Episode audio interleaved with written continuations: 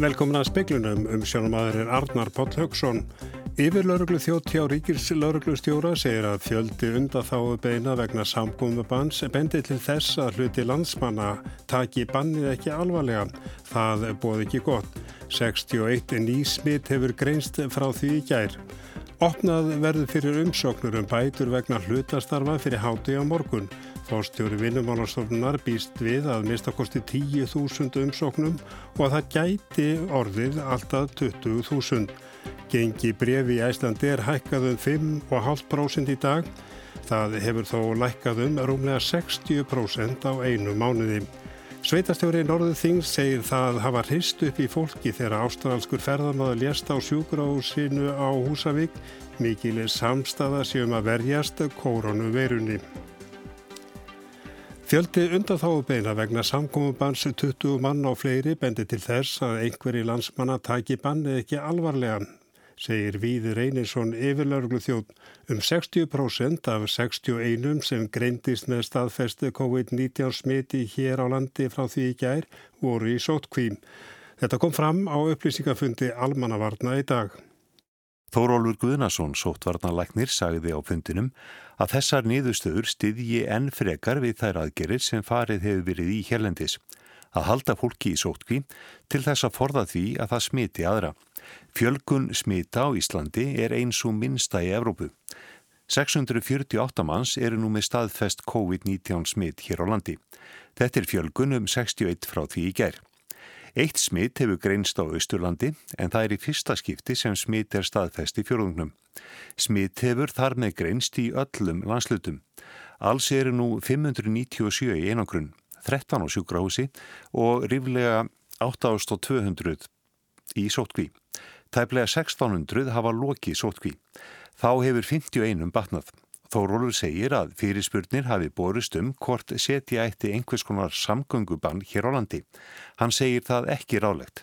Samgöngubann mun öllu líkildum skila mjög litlu. Það sýnir reynslan, það sína líka fræðin. Í mesta lagi þá er hægt að presta faraldri kannski um nokkra daga, nokkra vikur.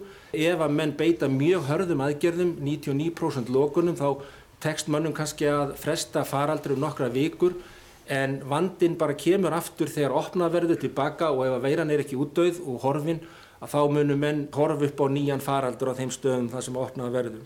Þannig að við erum ekki með samgöngubann á tekniborðinu á, á þessu stígi. Víðir Reynisson yfir lörglu þjótt segir að þótt hert samkomibann sem tók gildi á minnætti og hveður áum að ekki með í fleiri en 20 manns koma saman hafi gengið vel í framkvæmt, þá séu vísbendingar um að ekki allir átti sig á alvarleika málsins. Þetta hefur gengið ágætlega. Við hefum fengið talsvita tilkynningum um þetta þar sem að mann eru ekki einhvern veginn alveg búin að komast í þennan gýr og það er bara mjög mikilvægt og það er það sem við erum að leggja áherslu á, að fólk fari eftir þetta. Við erum ekkert að grínast með þetta. Þetta er full alvar á bakveg þessar tölur, þess vegna verður fólk að taka þetta alvarlega og það til dæmis sínir í fjölda þeirra undan þá beina sem við erum að fá að fólk er einhvern veginn bara ekki, ekki alveg allir með okkur í þessu. Þannig að nú verða menn bara að taka það af hverju eru við að þessu? Ef við horfið á löndin í kringum okkur þess að menn eru farin að vera menn eru í tvo saman sem er miklu lengra heldur en við erum að ganga. Nú verðum við bara að taka þessu alvarlega og fara eftir þessu leifningu sem við erum að gefa út. Þetta er ekki flókið, þetta er erfitt þetta er mjög snúið fyrir mörg fyrirtæki. Mörg fyrirtæki mun ekki geta starfað. Og það er ekkert í samfélaginu að virka eins og það gerir vennilega segir Víðir Einarsson, Kristján Sigur Jónsson tók pistilinn saman. Opna verðu fyrir umsóknur um bætur aukna skers starfslutfalls fyrir hátu í að morgun. Hægt er að sækjum er afrænt á heimasíðu vinnumálastofnunar. Atvinnureikundur þurfa líka að staðfesta að störfaði verið skert. Undur Sveristóttir fórstjur vinnumálastofnunar býst við mörgum umsóknum. Já, ég til að verði mjög mikill fjöldur sem sækjum. Við getum alveg gett áferðir að minnstakosti 10.000 og alveg upp í 20, allt þar á milli. Við rennum náttúrulega mjög blindi sjón með þetta eins og allir aðeins. Er sjáu þið núna já, í hvað stefnir, hvað varðar starfs hlutfall? Eh, það er, viðist þeirra ansi margir sem fara niður í 25% eh, starf. En kannski eru það bara fyrirtækin sem að hafa þegar orði fyrir stóru og miklu höggi sem að eru þá að draga eins mikið úr launakostnaðu þeir geta. Svo kannski koma hinn fyrirtækinu eftir sem að sjá fram á ykkur dregstur og þannig að ég þinn að fara í minna minga starfslutar, kannski 50% eða 20%, maður seti eitthvað þar á milli. E, ég veit að það er setið yfir þessu reynd að rýna í framtíðina. Sjáu þið eitthvað núna að atvinnleysi gæti orðið? Nei, ég held að við erum svona, setjum nú við að reikna þetta eitthvað núna og reyna, en það er náttúrulega margir puttar upp í lofti með það sko og ímsar fórsendur sem verða að gefa sér. En ég er svona kannski að sé raun að verða að reyna að skoða þetta betur í morgundagsins og sjá hvað kemur inn í grunninn á einum degi. Þetta var unnur Sverrisdóttir. Gengi brefi í Æslandi er hækkað í dag um 5,5% félagi flög til fjögra áfangastada í dag. Æsland er flög til Lunduna, Boston, Amsterdam og Toronto í dag. Ástís Ír Pétursdóttir, upplýsingafulltrúi Æslandir, segir að þetta séu 15% af upprunanlegri flug áallun félagsins. Ekki fæst gefið upp hver sætanýtingin var í þessum ferðum. Ástísir segir að hvorki farþegafjöldin ég sætanýting sé gefin upp formlega nema til kauphallarinnar einu sinni í mánuði. Það verði næst gert 7. apríl. Nú sé unnið að því að setja flugvilar félagsins í geimslu en þær séu þó enn flestar flughæfar. Viðskiptum með bref í Æslandi er námur um 24 miljónum í kauphallin í dag. Gengi brefa í félaginu hækkaðum rúmlega 5,5% og stendur nú í 3,25 krónum á hlut. Gengið hefur lækkaðum rúmlega 60% á einum mánuði.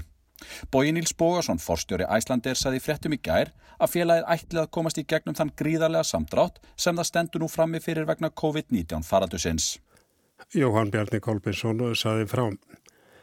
122 létust af völdum COVID-19 sjúkdómsins í Íran síðastliðin sólarhinga því er þalsmaður heilbriðis ráðniti sinns í Teheran upplýst í dag. Farsóttin hefur þar með orðið 1934 að bana í landinu. Átti 25.000 hafa smittast á koronaveirunni í Íran. Þar af voru 1762 tilfelli staðfest í gær. Íranar hafa orðið afar illa úti á samt ítölum, spánverjum og kýmverjum. Þar hefur þó ekki verið líst yfir samkomiðbanni. Þar standaðum þessar myndir yfir hálfsmánaðar hátíðahöldi í tílefni persneska nýjársins með tilherrendi heimsóknum ættinga. Stjórnvöld hafa þó beint við til fólks að halda sig heima ásand við að loka verslunum og frístundamiðstöðun. Ríkisjónvarpið í Íran hafði í dag eftir Hassan Rouhani fórsetta að um það byl helmingur ofinbæra starfsmanna hefði verið sendur heim til að tefja fyrir útberðislu koronaveirunar. Stemtir að því að engist þriðjungur þeirra mæti til starfa eftir áramótin. Hinn er eiga að vinna heima eins og kostur er. Alvarlegt efnahagslegt ástand er í Íran vegna refsiaðgerða. Michel Bachelet, mannréttindastjóri saminuðu þjóðana, lagði í dag til að öllum efnahagslegum refsiaðgerðum er í létt af Íranum og fleiri þjóðum til að koma í vekk fyrir að heilbriðiskerfi ríkjana hrindi vegna COVID-19 farsóttarinnar. Áskir Tómasson saði frá. Sveitarstjóri Norðuþing segir að mikil samstaða sé í sveitarfélaginu að verjast koronavirunni. Hann hvetur fólk til að draga fram spil með börnunum og dreifa þannig hugunum. Herta reglur um samkominnbann hafa haft mikil áhrif í Norðuþingi eins og annar staðar. Skólastarfið skert sem og önnu þjónust að sveitafélagsins. Þá hafa kvalaskoðana fyrirtækin hætt siglingum og sjóbuðinu verið lokað. Kristján Þór Magnússon, sveitastjóru Norðuþings, segir að skjót viðbröð eftir að ástralsku ferðamaður lest á sjúkráðsuna Húsavík, líklega völdum koronavirunar, hafi skipt sköpum og tekist hafi að hefta frekari útbreyslu. Engin þeirra 23 sem fóru í sótkvíði kjölfarið hefur greins með veiruna. Kristján segir þetta atvek hafa hreist upp í fólki og mikil samstæða séum að fylgja öllum leiðbenningum. Í písli á heimasíðu sveitafélagsins hvetju Kristján Íbúa til að draga fram spil, dreifa þannig hugunum og kenna börnunum að spila vist, kana og rommi. Ágúst Ólásson eh, saði frá. Samningarnemdir í félags íslenskra hjókunarfræðing og ríkisins fundu eftir háti í dag án árangus Guðbjörg Pálsdóttir formaðu félagsins segir enn bera mikið á milli þegar kemur að launalinnum og viss önnuradrið úr kröfugerni stand út af borðunum. Ríkis átt að semri sleit í fundunum án þess að bóða til nýs fundar. Já sko, staðan er náttúrulega bara graf alvarleg. Við erum búin að vera samningslaus í núna rétt að verða ár. Við hefum ekki kosið um kjara samning frá 2014. Eh, það er búin að lenda mörgum ágættis þáttum í þessum samningi sem á að gilda til næstu ára. Og, og hérna, en auðvitað þurfum við að ljúka öllum samningnum þannig að hægt sé að bera hann undir félagsmenn og fá það til að kjósa um hann. En eins og staðinni núna þá treystu við okkur ekki í samningunemdini til að leggja þennan samning að borð fyrir félagsmynd. Saði Guðbjörg Pálsdóttir. Nokkur ljóst er að kjara viðraður eblingar og sveitarfélaganum munu frestast þar til veiru faraldrinum líkur. Nýju tilbúðu eblingar var hafnað á stuttum sáttafundi morgun. Verkvalli eblingar hefur verið frestað en félagi segist reyðubúð að hefja verkvallsaðgerðir á nýja leik þegar faraldurinn er gengin yfir. Það á enn eftir að semja við fjölmörgu stjættarfélug samninga við að fara fram í skugga COVID-19 eins og reyndar öll stassemi á Íslandi og í öllum heiminum. Notaður er fjarfundarbúnaður til að funda. Engum viðræðum hefur beinlínis verið frestað enn sem komið er. Þó að kjara viðræðum flugfrei og æslandir hafa ekki formlega verið frestað eru þær í byggstuð og óvistu hverja næsti sáttafundur verður. 900 flugfreyður starfa hjá Æslandir, starfsflutvall þeirra allra hefur verið lækkað niður í 25%. Þær geta sótt um hlutabætur úr atvinnuleysist-tryggingarsjóði og sangvænt upplýsingum speilsins er það matflugfreyja að með hlutabótonum lækkilaun þeirra að með að tala um 10 af 100. Ebling frestaði verkvalli sem staði hefur yfir í tvær og halva viku. Svo ákvöru var tekin vegna mikillar óvissu í samfélaginu og líka meðal annars á vinnustöðum þar sem eblingastarsmenn sem er í verkvalli starfa. Ebling bóðar hins vegar beittari aðgerðir að loknum veirufaraldri. Viðar Þorsteinsson frangvæðastjóri eblingar sér að ebling hafa átt frungkvæðið í viðræðunum með því að leggja fram ný tilbóð og lagt var fram nýtt tilbúð í morgun sem var hafnað ánviðrana á mjög stuttum fundi hjá Sáttasimera. Og eh, við sjáum enga ástæð til þess að halda áfram í þessum leik þegar það er held í augljóst að sambandið er á einstaklega lúalegan hátt að nýta sér uh, veiru faraldurs ástandið til þess að koma sér hjá því að semja við okkar félagsmenn og ellum og sangurnum grundvelli. Krafa eblingar er að gerður verði samskonar samningur á félagi gerði við Reykjavíkuborg. Krafan beinist meðal annars að sveitarfélagunum Kóboi, Seltjarnanes og Moselsbæ. Samninganemndi sveitarfélagana hefur gert samninga við öll önnur sveitarfélag út um allt land. Rög hennar er að ekki gangi að semja við eblingu um meiri launahekkarir en þar var samið um. Þannig er staðan. Hins vegar heldur ebling því fram að samningarnemdi sveitarfélagana sé að nýta sér ástandi vegna COVID í viðraðunum.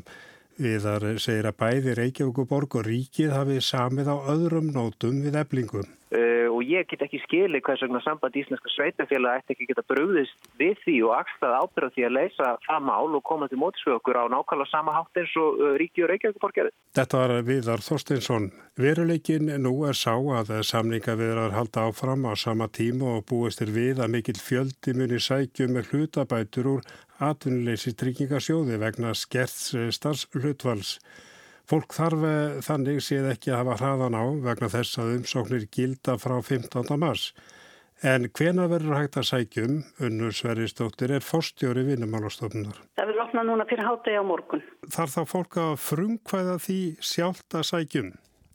Já, þeir sem eru búin að gera samkómulag við atvinnureikansinsinn um mikað starfslutfall, þeir fara að fara inn á verðinumálastofnunar og sækja um greiðslur eða það likur þá umsókn um greiðslu á móti minguðu starflutalli inn á vefnum vera opinn á morgun. Hún fyllir hver og einn út fyrir sig og sendir og þetta er mjög einföld umsókn sem allir geta fyllt út en atvinnureikandin þarf að fara inn á mínasýður vinnumálastofnuna líka og hann þarf að staðfesta að, hann, að þetta samkómulega hafi verið gert og þessi starfsmenn séu komni niður í þetta og þetta og þetta mikið starfslutal. Og þetta þarf að stemma saman og þá rennur þetta svona áfram í gegnum kerfið okkar.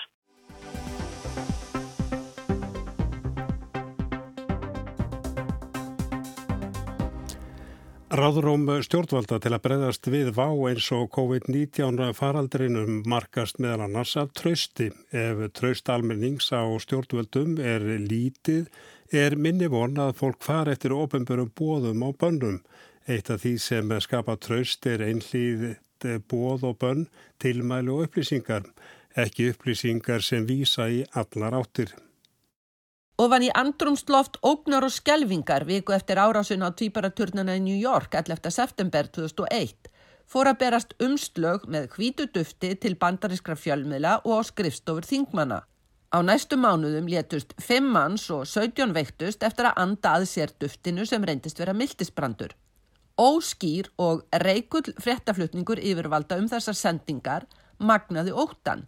Í kjölfarið var samin handbók um hvernig bandarískir leittógar ætti að ræða við almenning um óvænta heilsuvá. Fréttaflutningurinn er það vera tröstveikjandi og þá spurning hvernig yfirvöld sköpuðu tröst. Sankvæmt handbókinni á enginn í ofinberi stöðu að ræða neitt ofinberlega án þess að vera rækilega undirbúin og uppfrættur um efnið, menn eftir að vera sjálfum sér sankvæmir, upplýsingarnar nákvæmar, engan feluleik, í stuttumáli, skjótarfréttir, staðrendir, tröstveikjandi mannflutningur. Þessi lærdómur var rifjaður upp í grein í Washington Post nýlega. Málflutningur Donald Trumps bandaríkja fórsetta um COVID-19 veiruna brítur allar þessa reglur. Orð hans út um víðan völl og yðurlega þvert á það sem vísindamenn segja, jafnvel þó þeir standi við hliðin á honum. Í Breitlandi hefur það valdi áhyggjum að COVID-19 bóðskapur yfirvalda er á köplum loðin. Útbreyslan er óhugnanlega skjót hér í Breitlandi en þó brestur á að fólk hvar eftir bóðum um trygga fjarlæð manna á milli. Til að ebla tröst á ríkistjórninni og tilkynningumennar var ákveði nýlega Boris Johnson fórsætsráð þeirra stýrði daglegum blaðmannafundi rétt eins og gert var eftir bankarhunnið á Íslandi í oktober 2008. Á einum fundinum sagðist Johnson þess fullvis að brettar getur sigrast á veirunni snúi dæminu við innan næstu tól vikna en þá þyrti samtaka og sannfærandi aðgerðir. I'm very confident we'll get this thing done. Uh, I'm very confident that we'll beat coronavirus. I think we can turn the tide within the next 12 weeks, but it depends on collective, resolute action. Þegar fórsætsráð þeirra var síðan spurður nánar úti hvað nætti við, hvort toppnum er þið náð eftir 12 vikur eða hvort þá er þið lífið aftur komið í eðlilegar skorður, var fórsætsráð þeirra ekki alveg viss. I cannot stand here and tell you that we will, uh, by the end of June, uh, that we will be on the downward slope. Uh, it, it's possible, but I, I, simply can't say that that's, uh, that's for certain. Of course not. Hann get ekki staði hér á fullirt að kurvan yrði fallandi í júni. Það væri mögulegt en nei, hann gæti auðvitað ekki fullirt að svo yrði. Eftir þessar vangaveltur fórsætsráð þeirra voru skilabúðun frá vísindamönnum að þetta ástand með mishörðum samskiptabönnum geti varað í ár.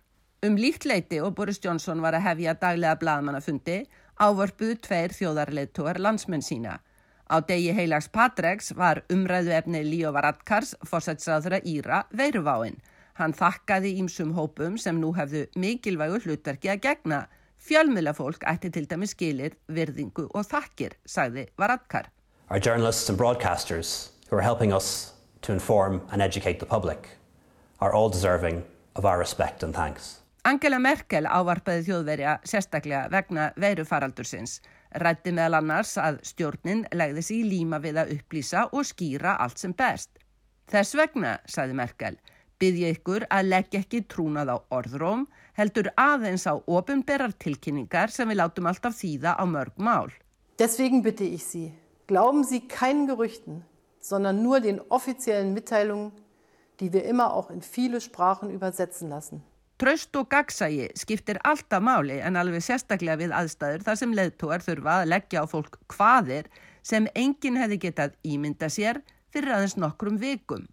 Við þessar einstöku aðstæður eru tröstar upplýsingar og tröstir leðtógar forsendan fyrir aðgerðum í einstökum löndum en líka á alþjóðavettangi eins og sagfræðingurinn Yuval Noah Harari benti á nú nýlega. We need today uh, leaders on a global level And if for years we have been eroding trust internationally, then today is, is payday. Today we need this trust and it's gone. Við þurfum leðtoga á alþjóðavettongi. Ef það hefur um árabil verið grafið undan trösti þá er komið að skuldadögum. Nú þurfum við á þessu tröst að halda og það er upp urið, sagði Harari, vísaði síðan einmitt til bandarækjaforsetta. Tröst er grundvallaratriði í mannlegum samskiptum hvort sem er innan vekja heimilisins, á vinnustad eða í samskiptum við valdhafa. Á tímum veirufaraldursins er tröstið bæði mælistika á aðgerðir yfirvalda og forsendan ferir að aðgerðnar geti skilað árangri. Sigrún Davistóttir saði frá.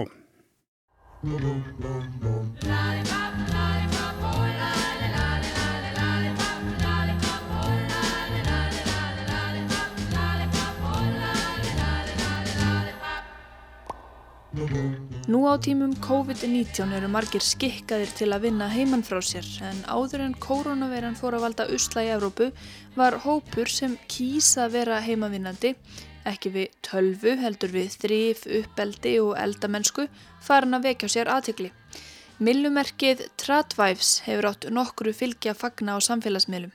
Í Breitlandi og Bandaríkunum hefur sprottu upp reyfing hvenna sem vil hverfa aftur til óræðstíma þar sem konur voru heimavinnandi og karlar fyrirvinnur. Þessar konur berjast fyrir því að fá að velja hlutverkinar undirgefni húsmóður án þess að sæta gaggríni og þær segja hæfileikum hvenna sóað á vinnumarkaði. Reyfingin hefur vakið umræðu um stöðu hvenna í nútíma samfélagi og rétt hvenna til að haga lífi sínu eftir eigin höfði en hún hefur líka verið gaggrind verið sögð and-feminísk og jáfnvel rasísk. Hello and welcome back to the Darling Academy. My name is Alina Kate Pettit and I talk about etiquette, feminine lifestyle, homemaking and being a traditional housewife. Alina Kate Pettit er eina þessum konum og andlit reyfingarinnar í Breitlandi.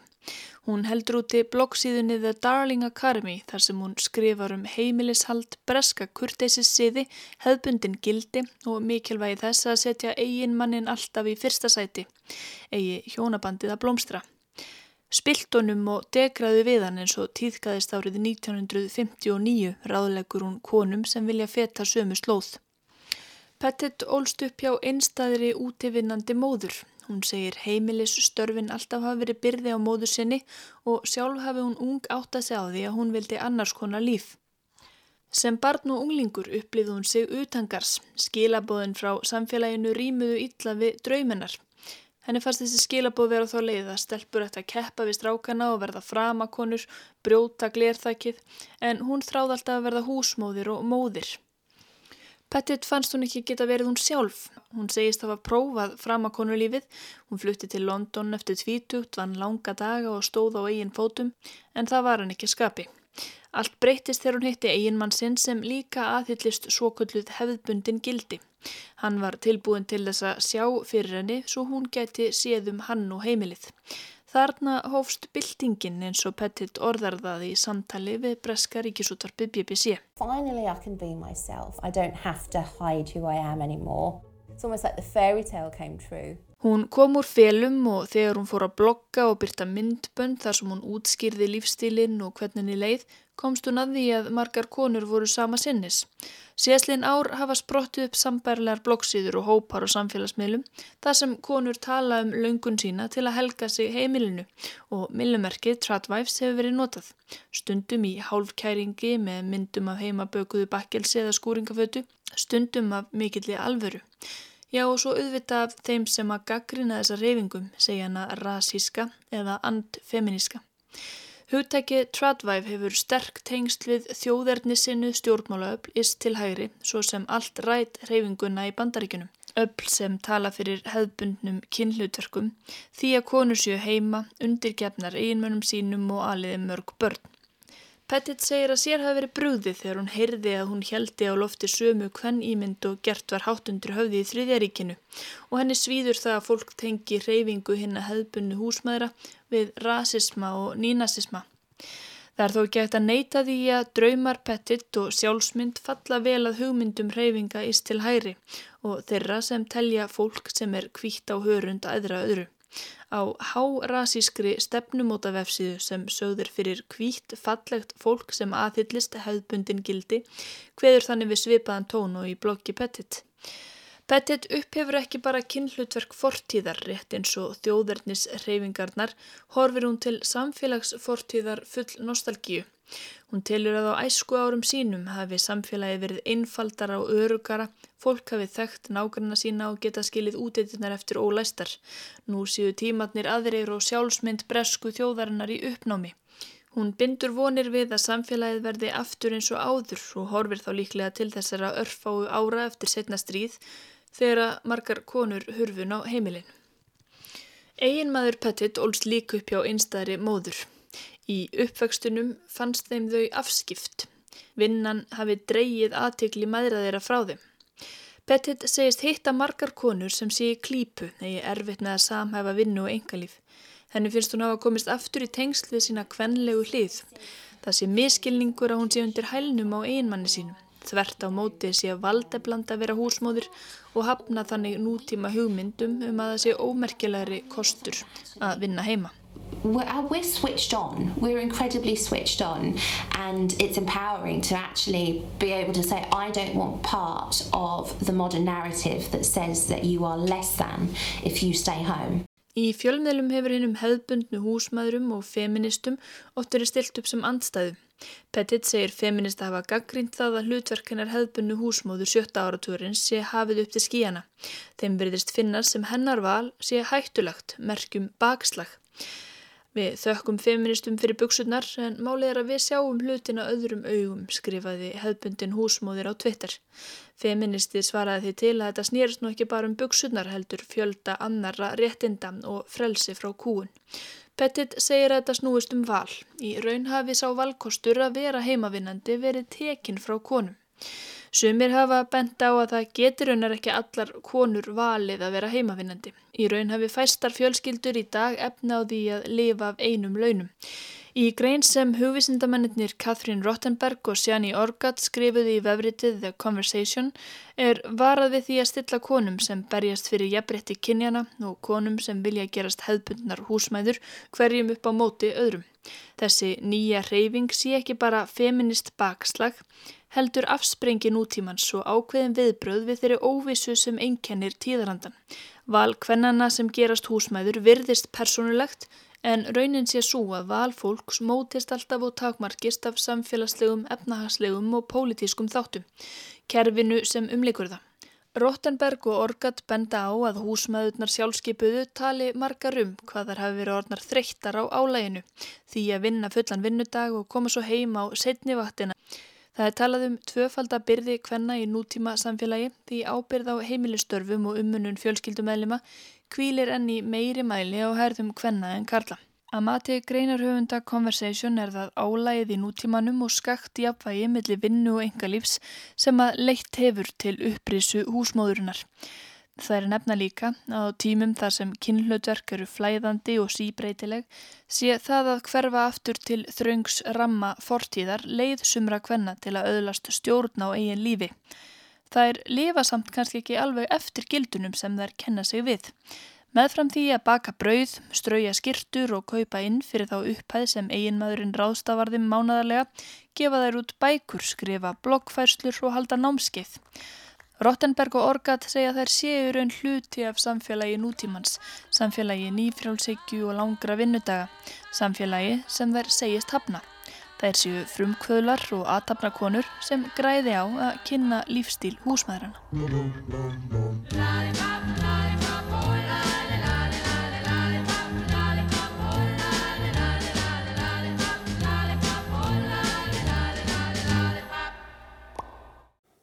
Og það var Arnildur Haldunandóttir sem að tók þennan pistil saman en það var helst í spiklunum í kvöld að yfirlörglu þjótti á ríkislörglustjóra segir að fjöldu undan þá beina vegna samgóðumbans bendi til þess að hluti landsmann að taki bandi ekki alvarlega.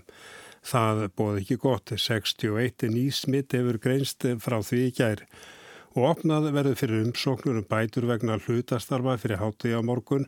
Fónstjóri vinnumálastofnar býst við að mistakosti 10.000 umsóknum og að það geti jafnvel orði alltaf 20.000. Gengi brefi Æsland er hækkaði um 5,5% í dag. Það hefur lækkað um rúm 60% á einu mánuði. Lítmaðast til veðurs, suðvestlega 8-5-13 metrar á sekund og jél en norðaustlagur á vestverðum og bjartviðri austalands. Svipað veður fram að morgundegi en bætir síðan heldur í vind og jélja gang. En það er ekki fleira í speiklumni kvöld. Teknumöður var Magnús Þorstein Magnússon. Verðið sæl.